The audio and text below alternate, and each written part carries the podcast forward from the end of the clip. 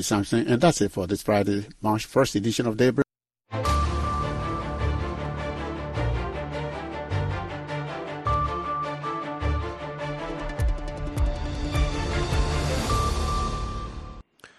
subax wanaagsan dhegeystayaal ku soo dhowaada idaacadda saaka iyo caalamka oo idinkaga imanaysa washington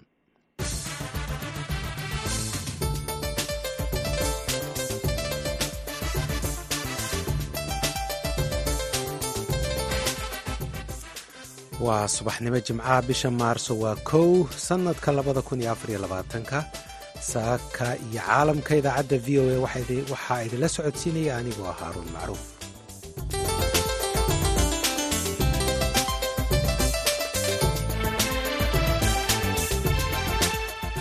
Qodobada aad saaka dhegaysan doontaanna waxaa ka mid a warbixin ku saabsan dadka kenya u dhashay dadka kenya u dhashay qaxooti ahaanta u diiwaan gashanaa oo mar kale laga saarayo liiskaas. Waxaa degmadan kamkunji iska diiwaangeliyay dad ku dhow shan boqol oo qof. Waad dareemi kartaa marka. Nambarkaas hal maalin in hal degmo ay iska diiwaangeliyaan in nairobi ay joogaan dad badan oo soomaaliyeed oo laba jeer diiwaan gashan oo dhibaatadaas qabo.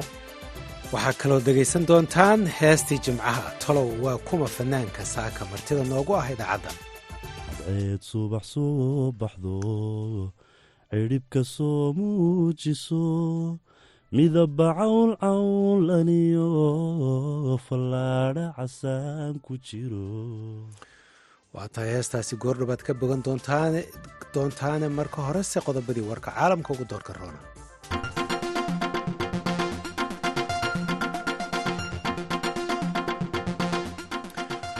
ugu yaraan boqol iyo afar qof oo falastiiniyiin ah ayaa lagu dilay magaalada khaza kadib markii ciidamada israa'iil ay rasaas fureen. Xilli dadkaasi ay doonayeen inay cunto ka qaataan gaadiidka samafalka ee cuntada geeya marinka godoonsan ee khaza madaxweynaha maraykanka jo biden ayaa sheegay in saraakiisha maraykanku ay hubinayaan wararka iskhilaafsan ee ka soo baxaya sida ay wax u dhaceen afayeen oo hadlay aqalka cad oo lagu magacaabo olivia dalton ayaa dhimashadan ku tilmaantay inay tahay wax laga naxo oo si weyn looga walaaco. Waa dhacdadii ugu dambeysay ee u baahan in la baadho ayay u sheegtay wariyaasha xilli ay ku sugnayd diyaaradda madaxweyne biden ee air force one xilli uu madaxweynuhu uu u safrayey xuduudda maraykanka iyo mexico. Saraakiisha caafimaadka khaza ayaa sheegay in ciidamada israa'iil ay weerar ku qaadeen meel ay dad badan ku sugan yihiin oo ku taala alnabusi ciidamada israa'iil ayaa dhinacooda sheegay sheekataasi ka duwan iyaga oo sheegay inay dhimashadu ay sababtay dadka oo isbuurtay. Waxay ciidanku sheegeen inay fureen rasaas kooban si ay dadka u kala cayriyaan ku soo ordayay raashinkaasi. Rasaas iyo argagax iyo jidgooyooyin ayaa ka jira khamiistii shalay caasimadda dalka haiti ee port o prince rabshadahaasi oo mas'uuliyiintu sheegeen inuu ka mas'uul yahay mid ka mid a hogaamiyaasha burcadda abaabulan ee waddankaasi qalalaasaha ka waday rabshadaha ayaa ku soo beegmay iyadoo ra'iisul wasaaraha waddankaasi ariel onri uu soo gaaray dalka kenya isagoo u socda wadahadallo ku saabsan sidii waddankaasi loo geyn lahaa ciidamo caalami ah oo golaha ammaanka ee qaramada midoobe uu taageero ciidankaasi oo la dagaalami doona burcadda abaabulan duhurnimadii ayaa magaalada la kala xiray. Inta badan xafiisyada iyo goobaha ganacsiguna way xirnaayeen waxaana kumanaan kun oo qof ay ku qasabtay inay guryahooda u lugeeyaan ama gabaad raadsadaan. Waxaa la hakiyay duulimaadyadii shirkadda diyaaradaha ee waddankaasi ee haiti sunrise airways sida uu sheegay afayeen u hadlay diyaaraddaasi oo sheegay inay rabshada ka dhaceen meel u dhow garoonka diyaaradaha ee magaaladaasi. Kenya ayaa ku yaboohday inay dalkaasi u dirayso ciidan kun askari ah. Dalka baniina ee galbeedka africa ayaa ku yaboohay laba kun oo askari si ay u caawiyaan booliiska waddanka haiti oo lana dagaalamaan burcadda abaabulan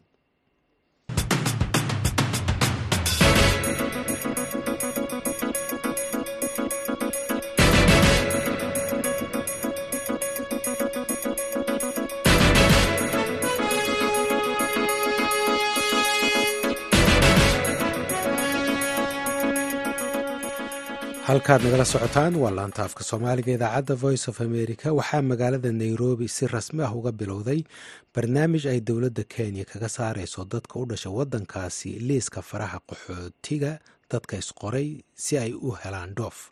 Warbixin arrinta ku saabsan waxaa magaalada nooga soo dirtay intisaar saalax xuseen shacabka kenyaanka ah ee ku nool deegaanada istareexa langata iyo sidoo kale kamakuji ee ismaamulka magaalada nairobi ayaa maalintii labaad iska diiwaangelinaya xafiisyada guddoomiye xaafadeedyada si looga saaro faraha qaxootinimada. Cabdirasaaq maxamed waxa uu ka mid yahay dadka laba jeer diiwaan gashan oo ay ku adkaatay inuu helo sharciga wadanka waxa uu ka warbixiyey sida barnaamijkan uu ugu faraxsan yahay iyo ka dhalinyaro ahaan dhibaatooyinka arintan ay ku qabeen runtii aad ayaan u faraxsannahay. Maanta maalmaha kale way nooga duwan tahay. Markii aad fiiriso go'aankii ay ka qaadatay dowladda gaar ahaan wasaaradda arrimaha gudaha muddo waxaan ku dhibanayn si kam ah anagoo u galnay faraha qaxootiga. Aidiyadeenina ay soo bixi waayeen. Aniga oo kaleeta sannadkii laba kun iyo toddoba idgii aan galay ilaa hadda farahaygii qaxootinimada ayaa weli systemka ku jira marka aad ayaan u faraxsannahay waxaan rajaynaynaa maalmaha soo socda iyo maantaba in shaqooyin badan la qabto wax badan la hagaajiyo oo runtii farahan nalaga saaro. Marka waxaan rajaynaynaa insha allah in aan dib u helno kenyaanimadeeni sharciyadeenina ay noo soo baxaan aadan heybe oo isaguna ka mid ah bulshada ku dhaqan xaafadda soomaalida islii ayaa isaguna uga mahad celiyey arintan dowladda dhexe iyo sidoo kale mas'uuliyiinta degmada kamakuuji mashruuca maanta ka bilowday xaafadda islii khaasatan dadka laga saaraya farihii qaxoontiga arrintaasoo ay dad badan aada iyo aada uga cadiminaayeen oo dhaqdhaqaaqoodii iyo safarkoodii waxoodao dhan ay aada u gaabnaayeen dhib badanna ku haysay sababtayna inay waayaan sharkii kimaandhihii ama sharciga i d-ga oo kenyaanka inay waayaan taasoo marka horena si kama iyo si aan ka fiirsan lahayn ay dadku u galeen. Markii dambena xoogaa caqabad iska noqotay. Marka meeshan dowladdan dowladdan aada iyo aad baan ugu mahad celinaynaa waxaan kaloon si khaasa ugu sii mahad celinaynaa xildhibaanka yuusuf xasan oo arrinta aad iyo aad xil weyn isaga saaray. Aadna isugu taxallujiyey jasaaka allahu khayran jazaa baan leenahay. Barnaamijkan ayaa waxa uu socon doonaa ilaa iyo laba bilood waxaana maalintii koowaad ee shalay ahayd. Degmada kamakuuji iska diiwaangeliyey ilaa iyo shan boqol oo qof maxamed ismaaciil shiine oo u dhaqdhaqaaqa arrimaha bulshada ayaa tilmaamay inay jiraan dad badan oo soomaali ah oo wadanka u dhashay inay ku dhibaato qabeen helidda sharciga maadaama ay laba jeer isdiiwaangeliyeen waxaa degmadan kamkunji iska diiwaangeliyay dad ku dhow shan boqol oo qof. Waad dareemi kartaa marka nambarkaas hal maalin in hal degmo ay iska diiwaangeliyaan in nairobi ay joogaan dad badan oo soomaaliyeed oo laba jeer diiwaan gashan oo dhibaatadaas qabo marka xaafadaha kale weli maanan helin qiyaasta maanta iska diiwaangelisay walow aan soo xaqiijin doono insha allah. Marka taas ayaa ka qiyaas qaadan doonaa ama aan mas'uuliyiinta ay quseyso kala hadli doonaa in ay maalmaha kordhiyaan. Muddadana lagu daro maalmaha interviewgana la badiyo si joogtaa looga dhigo isbuuci laba mar ama saddex mar hadduu alla idmo. Diiwaangelinta maalin walbay soconaysaa xafiisyada jiifafkay ka soconaysaa laakiin turxaan bixinta ama interviewga isbuucii hal mar ayuu dhacaya. Sida ii xaqiijiyeen guddiga qaabilsan arrimaha diiwaangelinta ama hay'adda qaabilsan bil walba bilowgeeda maalinta khamiista ah waxaa dhacaya interview. Khamiista soo socota hadduu alidmo vetinka ama interviewga mar labaad uu dhacayaa bisha dhammaadkeeda bisha saddexaad khamiista u dambeysana interviewga dhacaya inta u dhexayso dadka waxay marayaan process ah in dokumentiyadooda ay jiifafka ka xareeyaan fare laga qaado systemka la geliyo si ay u maraan vetinkaas laakiin wax waa isbedeli karaan maadaama tirada soo baxday aada u badan tahay. Waxaa laga yaabaa maalmaha interviewga ama vetinka la marayo turxaan bixinta in aysan ku ekaan maalin khamiis kaliyahay maalmo kale ziyaadaha lagu daro. Sida maanta aan aragnay tiradaas soo baxda inay aada u badan tahay aysan ku dhammaan karin labada bilood. Dib ayaan u noqon doonaa mas'uuliyiinta u xil saaran inaan la fadhiisanno ka dhaadhicino barnaamijka in dad aada u tiro badan ay howshaas haysato doonayaanna in ay faraha laga saara dhinacay doontaba ha noqotee. Marka taas ayaan ka shaqayn doonaa insha allah. Intisaar saalax xuseen v o a nairobi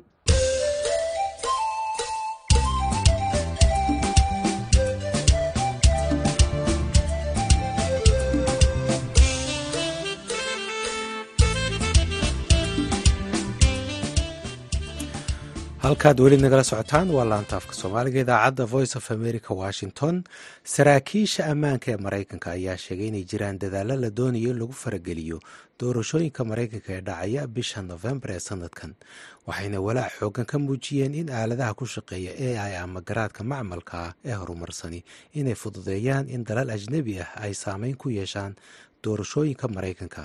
Warbixin ay arrinta ka diyaarisay v o a waxaa inoo soo koobaya ismaaciil xuseen farjar saraakiisha ammaanka ee maraykanka ayaa ku dhiiranaya inay si cad uga hadlaan farsamada casriga ah ee sida xawliga ah ku socota gaar ahaan aaladaha ku shaqeeya garaadka macmalka ah ee la horumariyey ama artificial intelligence iyo halista ka iman karta marka ay adeegsadaan dalalka cadowga ku ah maraykanka gaar ahaan xilliyada lagu jiro doorashada madaxtinimada ee soo socota agaasimaha hay'adda dembibaadhista ee maraykanka ee loo soo gaabiyo f b i christopher rey ayaa soo saaray digniin ku aadan in ay jiraan iskudayo la doonayo in lagu farageliyo codaynta muwaadiniinta maraykanka gaar ahaan cidda ay tahay in ay u codeeyaan doorashada dhacaysa bisha noofembar ee soo socota agaasimaha ayaa u sheegay shir ay yeesheen saraakiisha amnigu in farsamada casriga ah ee a i ama garaadka macmalka ahi in uu durba beddelayo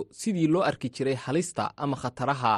Agaasimaha ayaa sheegay in doorashadan soo socota uu maraykanku la kulmi doono haliso uga yimaada dhinacyada ay iska soo hor jeedaan kuwaas oo ku socda xawaare sare iyagoo adeegsanaya farsamada casriga ah ee cusub digniintan uu soo saaray agaasimaha hay'adda f b i ayaa ku biiraysa walaaca ay toddobaadkii hore arrimahan ka muujiyeen sharci dejiyaasha maraykanka iyo aqalka caddiba guddoomiyaha guddida sirdoonka ee aqalka sare ee maraykanka mark warner ayaa sheegay in uu ka walaacsan yahay in maraykanku aanu si weyn ugu diyaarsanayn faragelin shisheeye oo lagu sameeyo doorashooyinka dhacaya dabayaaqada sannadkan la taliyaha amniga qaranka ee maraykanka jek sullivan ayaa isaguna u sheegay barnaamijka mid the bress ee ka baxa telefishinka m b c in ay jiraan arrimo badan oo keenaya in walaac noocan ah la muujiyo. Wuxuu sheegay in la hayo farogelin ka timid dalka ruushka iyo hay'adihiisa sirdoonka oo lagu sameeyey doorashooyinkii madaxtinimada ee maraykanka hay'adaha sirdoonka ee maraykanka ayaa warbixinno ay soo saareen ku sheegay in ruushku uu faragelin ku sameeyey doorashooyinkii madaxtinimada ee sannadkii labada kun iyo lix iyo tobankii iyo laba kun iyo labaatankii. Hase ahaatee ruushka oo keliya may ahayn cidda faragelintaas samaysay. Mahadsanid ismaaciil xuseen farjar oo warbixintaasi nala socodsiinayay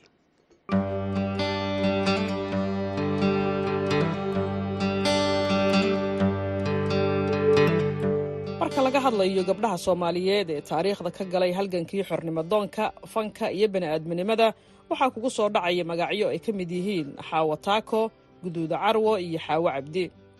Waxaa iyaguna ku daba jira gabdho kale oo doonaya inay taariikhdooda qoraan doorka iyo saamaynta ay ku leeyihiin bulshada soomaalida dhexdeedana muujiyaan. Taariikhda waxqabadka iyo waayaha gabdhaha soomaalida ah waxaan uga hadli doonnaa barnaamij cusub oo idiin bilaaban doona shanta bisha abril ee soo socota barnaamijkaas oo lagu magacaabo madasha haweenka. Madasha haweenka waa barnaamij laba toddobaadla ah oo aad dhegaysan doontaan arbacada. Haddaba ha moogaanina barnaamijka cusub ee madasha haweenka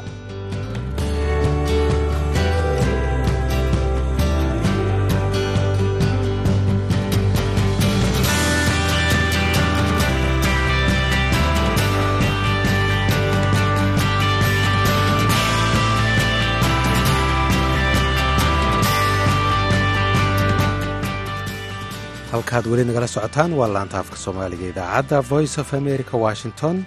Haatanna dhegaystayaal ku soo dhowaada xubintii amuuraha islaamka. Waxaa london inoogu soo diyaariyey wariyahayaga cabdixaafid cawil ismaaciil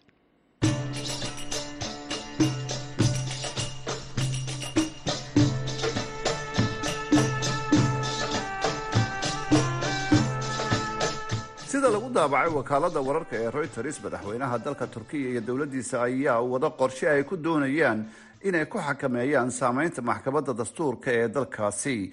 Dowladdu awood ma u leedahay inay wax ka bedesho saameynta maxkamadda dastuuriga ah. Haddiise ay dhacdo saameyn intee leeg ayuu arrinkani ku yeelanayaa cadaaladda maxkamadda.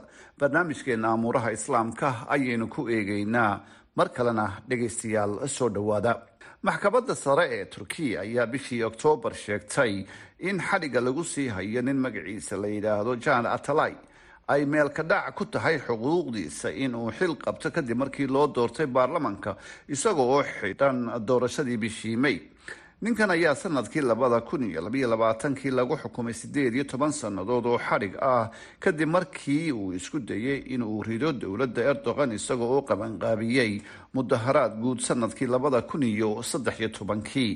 Ninkan oo lix iyo afartan jir ah ayaa dafiray eedeymaha loo xidhay haddaba dowladda erdogan faragelin ama xakamayn ma ku samayn kartaa maxkamadda dastuuriga ah. Su'aashaasi ayaan weydiiyey maxamed xasan dable oo ah falanqeeyo degan magaalada leesta ee dalka britain.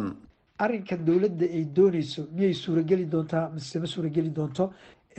Way isku dayeysaa laakiin waxaa jirtaa in maxkamadda dastuuriga ay shacbiyad kasbatay oo kiisaskaasi dad badan ay u riyaaqeen dadweynahana ay aada iyo aada mataqaanaa ula jiraan una arkaan in ay waxa sooreyso dadka xuquuqul insaankooda lagu xadgudbay. Marka in ay guuleysan doonta in kale ayaa calaamad su'aal ka taagan dowladda waxa uu rafcaan u gudbiyey maxkamadda dastuuriga ah isagoo isticmaalaya codsi shaksi ama dalab shaksi nidaamkan shaksi qof ayaana lagu abuuray wax kabeddelka dastuurka. Sanadkii labada kun iyo tobankii kaas oo uu ogolaanaya muwaadiniinta inay si toos ah uga dacwoodaan maxkamadda sare arrimaha la xidhiidha xuquuqdooda go'aanka maxkamadda dastuuriga ah ee lagu sii dayn doono ayaa dhaliyey xiisa danka garsoorka ah sideedii bishii noofembar markii maxkamadda rafcaanka ee ugu sareysa turkiga ay sheegtay in aysan aqoonsan doonin go'aankaas oo ay dacwad ciqaabeed ka gudbisay garsoorayaashii sameeyey. Haddaba haddii ay maxkamaddu faragelin ama xakameyn ku samayso maxkamadda cadaaladda saameyn intee leeg ayuu arrinkaasi ku yeelanaya. Waa kan mar kale maxamed xasan dable cabdi xaafid madaxweynaha haddii uu ku guuleysto ama dowladda haddii ku guuleysato inay xakameyso maxkamadda dastuuriga saameynta ay ku yeelan karta dalka waxaa weeye in la kala qeybsamo dalka oo mataqaanaa dad ay la saftaan maxkamadda dastuuriga ah oo u arkaan in madaxweynaha uu faragashaday madax banaanidii garsoorka inuu faragashaday oo ay noqoto markaa nin loo arko dictator ah oo aan cadaalad mataqaanay dooneynin oo rabo sida asaga uu doonayo in mataqaanay ay wax u dhacaan. Cadaaladuna ay sidaa tahay. Marka mudaharaadyo iyo isku dhacyo inay ka yimaadaan xasilooni darri waa suuragal. Waxaa kaloo dhici kartaa in ay cadaaladdu dhaawac u keento laakiin xasiloonida dalka iyo isqaqabsiga lagaga baxsado oo sida madaxweynaha uu sheegaya ay dhowdo oo uu keeno maxkamadda xuquuqul insaanka ee turkiga taasoo gaar u noqon doonto in ay qabato kiisaska ku saabsan xuquuqul insaanka iyo xuquuqda muwaadinka uu leeyahay ee hadda ay ka go'aamineyso maxkamadda dastuuriga tan rafcaanka ana markaa aynan ku qasbanaanin in ay soo faragashato in mataqaana ay go'aankii maxkamadda dastuuriga ahayd ay iyaduna waxba kama jiraan ka soo qaado.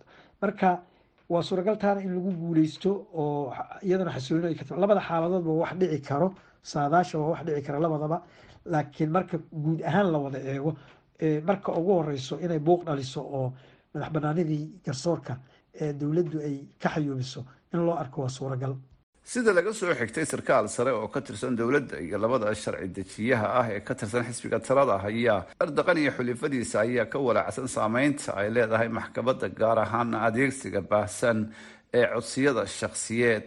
Xafiiska madaxweynaha iyo wasaaradda cadaaladda turkiya oo arrinkan ay wakaalada wararka reuters wax ka weydiisay ayaan codsigoodii ka soo jawaabin intaasi ayaynu dhegaystayaal ku soo gabagabaynaynaa barnaamijkeeni amuuraha islaamka. Aniga oo cabdixaafid cawil ismaaciil ayaa soo diyaariyey oo idinla socodsiinayay taniyeynta aynu mar kale kulmayno. Haddii ilaahay raalli ka noqdo sidaas iyo jimco wanaagsan. Mahadsanid cabdi cawil ismaaciil jimco wanaagsan. Isaga iyo idinka dhammaantiinba intaynaan u gudbin heesta ugu dambeysa barnaamijka saaka waxaa la socda waraysi.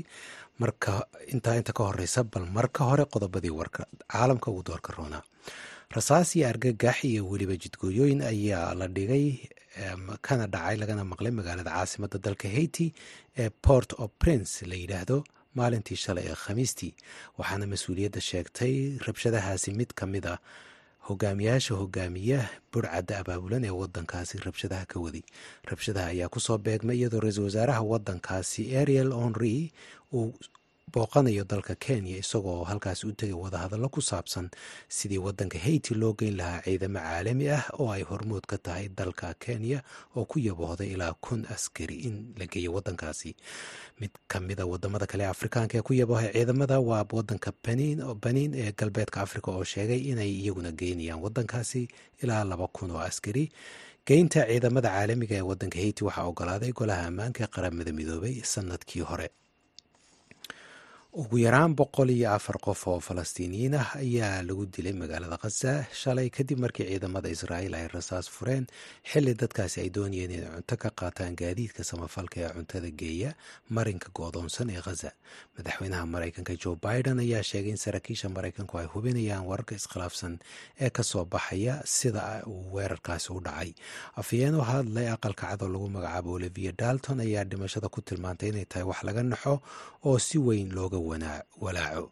Waxay u sheegtay wariyaasha inay ahayd dhacdadii ugu dambeysay ee u baahan in la baadho. Waxay xilliga ay hadalkaasi sheegtay la socotay diyaaradda air force one oo madaxweynaha maraykanka uu saarnaa isagoo u socday xadka maraykanka iyo mexico idaacadda saaka iyo caalamka anigoo haruun macruuf ayaa idinla socodsiinaya iyo ismaaciil xuseen farjal oo dhinaca farsamada ay qaabilsan. Sidaad nooga barateenba subax kastoo jimcaha idaacadda waxaan ku soo gebagabaynaa heestii jimcaha laakiin intaynaan heestan u gudbin saaka waxaa inala jooga fanaan ka mida fanaaniinta ugu caansan soomaalida oo martino ah. Fanaankaas waxa weeyaan dalmar maxamed cali dalmar yare dalmar soo dhowow waa dhowahay aad baan ugu faraxsanahay sharaf bayna ii tahay weliye aan jeclahay. Maanta inaan garabkiisa fadhiyo aad iyo aad baan ugu faraxsanahay. Aad baad u mahadsantahay. Anaguna waa ku jecelnaha halkeed naga soo booqatay maxaa ku keenay virginia? Waxaan ka imaaday minnesotan deganahay. Halkana waxaan u imiday wafdiga dowladda oo prime minister ku-xigeenka uu wado. Barnaamijya aan u sameynayna iyo la kulankiisa insha allah waay si kooban bal dadkana dhegaysanaya u sheeg dalmaryare waa kuma dalmar waa naanaystayda magacayga saxda waa mukhtaar maxamed cali waxaan fanka soo galay muddo dheer anigoo yar sagaal sano jira. Hadda waxaan deganahay minnesota waxaan soo maray kenya waxaan ka mid ahaa asaasayaashii kooxdii la odhan jiray waayaha cusub ee nairobi. Waxaana ka mid ahay communitiga degan magaalada sincloud ee gobolka minnesota. Waxaan ahay fanaan soomaaliyeed bal wax si kooban noogu sheeg fanaaniinta joogta minnesota guud ahaan maraykanka iyo xilligan sheekada ugu weyneed rabto inay soomaalidu ka ogaato walaahi fanaaniin aada u qiimo badan oo isugu jira fanaaniintii hore fanaaniintii dhexe iyo kuwii dambeba ayaa minnesota degan si khaasa hadda weliba waa fanaaniin badan oo cusub oo noo timiday oo dadkan tahriibayaasha ka mid a oo ayaa nala jooga oo aan si fiican u soo dhoweyno asxaabteena ah waa gobollo kala duwan baa la kala degan yahay laakiin gobolka minnesota badankanaga base noo ah. Runtii waa fanaaniin aada isugu xidhan wada shaqeeya barnaamijyo wada sameeya siday bulshada u wacyigelin laheydna ka wada shaqeeya. Waayo fanaaniinta iyo abwaanada iyo dadka wax curiyaba waxaa la yidhaahdaa inta badan waxaa wax ka keena deegaanka ay ku nool yihiin waxyaabaha ay arkaan iyo waayo aragnimadooda maxaa loo badan yaho beryahan hal abuurka uu ku saabsan yahay iyo heesaha horta hal abuurka waxaad u malaysaa inuu xoogaa baryahan yaro gaabinayo oo af soomaaligii xataa wax lagu curin jiray oo adkaa laga yar xoogaa laga yar laga yar kaaftoomay oo si macnaha alifaad ahaan marka laga hadlayo. Laakiin toobigyada la isticmaalo waxaad u malaysaa hadda inay wadaniyadii yaraatay oo jacaylka dhinaciisa loo farabatay oo qof waliba uu luuqad dadkii ay fahmayaan oo tictokga laga fahmayey oo facebookga laga fahmayey oo asxaabta dhalinyarada cusub ay fahmayaan qof walba suu curi isu leeyahay. Waxaa la iloobay af soomaaligii saxda ahaa iyo maxaanku idhahday wadadii lagu socon jiray oo wadaniyadda u fara badnayd oo dhulka lagu ammaanayay. Taas waa tafanka oo ta curinta weyaan iyo dhinaca macnaha mawjadaha loo badan yahay. Laakiin annaga fanaaniin ahaan mar walba waxaan aan isha ku hayna dad laba wadan laana mogta kaan degannahay iyo kaan ka nimidnay wadankii siyaasadiisa ha noqoto waxyaabaha ka socda ha noqoto ayaa badanaa diiradda noo saaran tahay. Waaye idaacaddan saaka iyo caalamkaynu ku soo laabanaynaa. Idaacaddan inta badan waxaa looga bartay heesihii hore qaraamiga ahaa fanaaniintii hore. Inkastoo taas aysan ka turjumayn da'dayada oo aniga ismaaciil dad da'yar aan nahay. Bal waxaad noo soo qabataa annagii dhegeystayaasha saaka heesta aad leedahay dhegeystayaashan ku salaamaya waxaynala dhegeystaan. Maadaama oo maxaan ku leedahay heesihii hore hees ka mid ah oo mar walba dadka u soo qaban jirteen waxaan hees aan heesihii hore ka liidanin oo macaan oo la yidhahda cajiib ayaan ayaan soo qabanayaa. Haddaan xoogaa yar kugu luuqeeyana waxay u dhacaysaa sida tan. Cadceed subax soo baxdo cidhibka soo muujiso midaba cawl cawlaniyo fallaadha casaan ku jiro intay intay ku casuuntay nuur. Cirkuna uu yahay buluug cadiyo cereyaama qarin. Caqligu suurayn karayn cabarana ka jeedsan karin. Caynkaasaad u eg taho waxaad ila tahay cajiibe cajiibe maxaad ila tahay cajiib. Cajiib wey aad baad aad baad umaadsantaa arun. Thank you so much. Adiga asxaabta v o ed iyo shaqaalaha dhan waa salaamaya mahadsan adiguna heestiina waata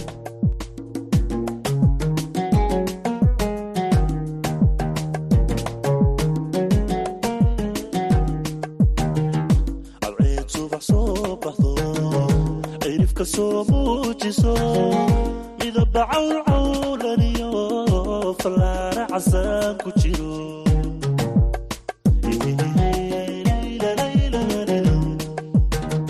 cadceed subax soo baxdo cirifka soo muujiso midaba cawl cawlaniyo fallaara casaan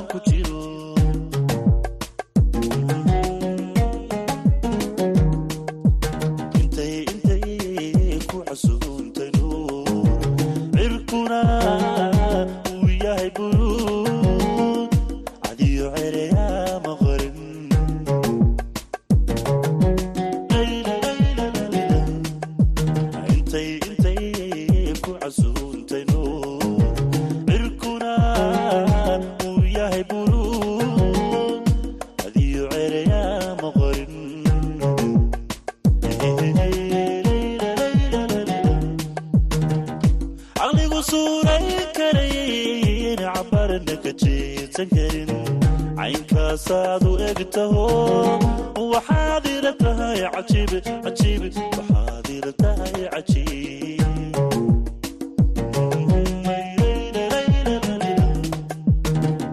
caqligu suuray karayn cabarna ka jeedsan karin caynkaasaad u eg taho waxaad ila tahay cajiib waxaad ila tahay cajiib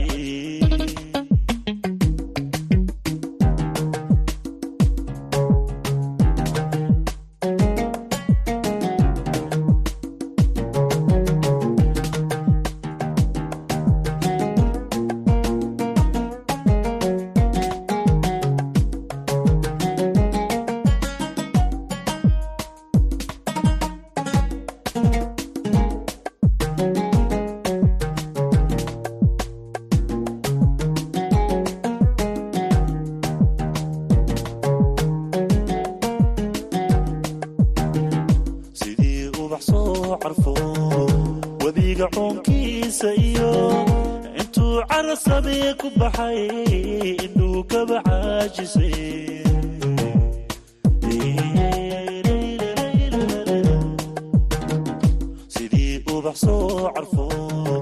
heestaasi macaanee dalmaryare cajiib ayaa u dambeysay idaacaddii subaxnimo waa anigoo haaruun macruufa iyo ismaaciil xuseen farjar oo idin leh nabadgeliyo dalmarna waa mahadsan yahay